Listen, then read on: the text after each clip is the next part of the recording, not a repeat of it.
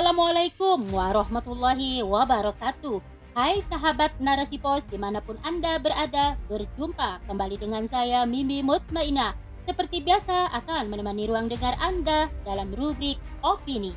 Ikuti selengkapnya di podcast Narasi Pos, narasipos.com, cerdas dalam literasi media, bijak menangkap peristiwa kunci. Profesor menyudutkan Islam? Kok bisa? Oleh Ergia Indrari, pemerhati publik. Miris, celaan terhadap syariat Islam dan pemeluknya terus berulang. Bahkan ironisnya, dilakukan oleh orang yang berintelektual tinggi. Ternyata, tingginya intelektual saja tak mampu menjamin ketinggian akhlaknya. Mengapa? Profesor Budi Santosa Purwakartiko yang merupakan Rektor ITK Institut Teknologi Kalimantan Balikpapan menjadi buah bibir bukan karena prestasinya atau penemuan risetnya tapi ungkapannya yang dinilai rasis dan miskin akhlak. Profesor kelahiran Klaten 12 Mei 1969 ini telah mendiskreditkan muslimah yang memakai hijab atau kerudung dengan menjulukinya sebagai manusia gurun. Ia pun menyatakan bahwa mahasiswa yang pintar dan otaknya open mind adalah yang membumi Bicaranya tentang dunia, bukan yang suka bicara soal langit atau kehidupan sesudah mati. Juga jauh dari kata-kata langit seperti insya Allah, barokallah, syiar, qadarullah, dan sebagainya. Pun mereka mencari Tuhan ke negara-negara maju seperti Korea, Eropa Barat, dan Amerika Serikat, bukan ke negara yang orang-orangnya pandai bercerita tanpa karya teknologi. Ungkapan kontroversial rektor yang meraih gelar master dan doktor dari University of Oklahoma Amerika Serikat ini diposting pada 27 April 2022 melalui akun Facebook pribadinya yaitu setelah mewawancarai beberapa mahasiswa yang ikut mobilitas mahasiswa ke luar negeri yakni program Dikti yang dibiayai LPDP fazat.co.id 1 Mei 2022 serangan terhadap muslim dan syariatnya makin menjadi walau di negeri mayoritas Islam sekalipun. Hal ini akibat dari paham liberalisme, yaitu kebebasan berpendapat dan berekspresi selalu diagung-agungkan oleh sistem demokrasi. Atas nama kebebasan itu, kaum liberal berani terus terang mengungkapkan kebenciannya terhadap Islam dan pemeluknya.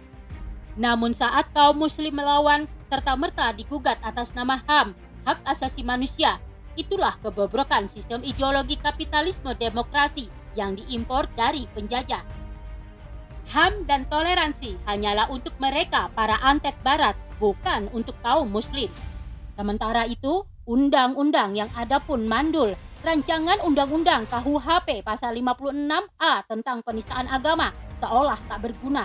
Pemerintah tidak tegas menindak penista agama Islam, justru melakukan pembiaran, tidak merespon dengan layak laporan-laporan yang masuk Bukannya menetapkan sanksi, malah diakhiri dengan pernyataan klarifikasi dan permintaan maaf. Wajar, kelancangan terhadap Islam dan pemeluknya terus berulang. Padahal dalam hukum Islam, barang siapa yang mengolok-olok Islam dan syariatnya, dia dihukumi kafir dan murtad dari Islam.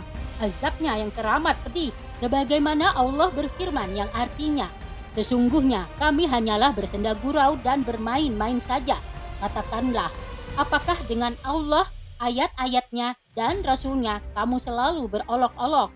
Tidak usah kamu minta maaf karena kamu kafir sesudah beriman. Quran Surah At-Taubah ayat 65-66 Sekularisme yang merupakan nyawa dari sistem kapitalisme demokrasi meniscayakan agama dipisah dari kehidupan. Agama tak boleh mengatur kehidupan kecuali soal ibadah dan akhlak saja tak boleh mengatur ekonomi, politik, maupun pendidikan. Wajar jika dalam bidang pendidikan banyak intelektual yang jangkal akidahnya, angkuh menganggap prestasi unggul hanya didapat dari prestasi akademik semata. Bahkan lebih parah lagi, menganggap manusia cerdas adalah para penolak agama.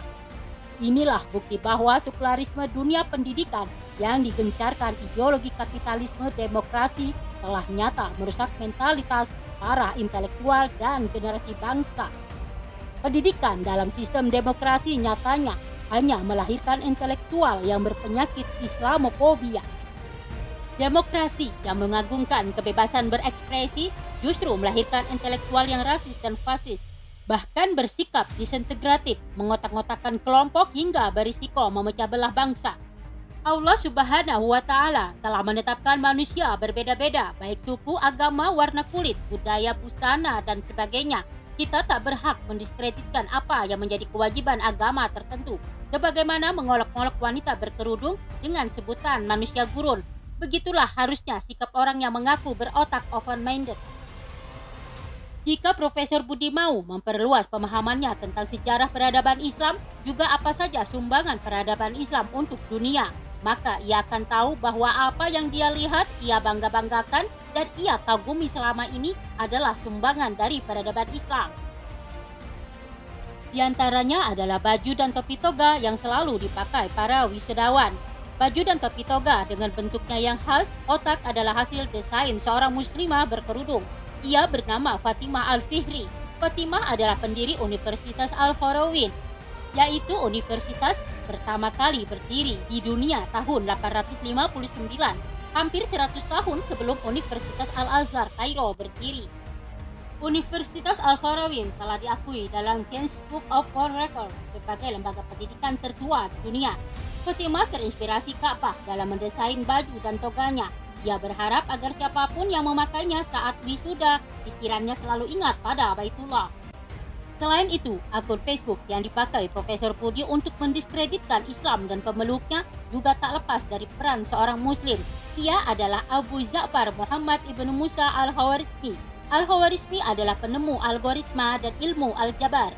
Hasil pemikiran beliau inilah yang sekarang banyak dimanfaatkan secara luas terutama dalam bidang komputer atau sains dan engineering. Tanpa beliau, niscaya maka server pun tak akan menemukan Facebook seperti yang kita pakai saat ini. Jika melihat sedikit saja fakta yang ada, harusnya Profesor Budi malu karena ia telah mencela muslimah berkerudung. Juga istilah bahasa sering dipakai seorang muslim. Karena kenyataannya, topi toga yang ia pasang di kepalanya adalah hasil desain wanita berkerudung. Islam dengan syariatnya pernah berada pada zaman keemasan bahkan selama 13 abad lamanya, maka akan lebih bijak jika seorang intelektual memperluas pengetahuannya, termasuk tentang sejarah. Inilah contoh intelektual hasil didikan ideologi kapitalisme demokrasi. Dalam sistem kapitalisme demokrasi, generasi bangsa hanya dituntut agar cerdas intelektualnya saja. Setelahnya, kecerdasan itu hanya dimanfaatkan untuk meraih dunia, seperti materi dan kedudukan. Sebagaimana yang juga disampaikan Profesor Budi, visinya sekadar supaya bisa menduduki berbagai BUMN. Betapa remeh-temehnya. Padahal ada dimensi yang lebih penting dari itu, yaitu kecerdasan spiritual juga kecerdasan emosional. Hanya intelektual yang disertai dengan kecerdasan emosional dan spiritual tinggilah yang mampu menghasilkan pribadi yang cemerlang dan itu hanya lahir dari pendidikan sistem Islam. Karena dalam Islam, keimanan dan ketakwaan pada Sang Pencipta adalah hal yang paling utama.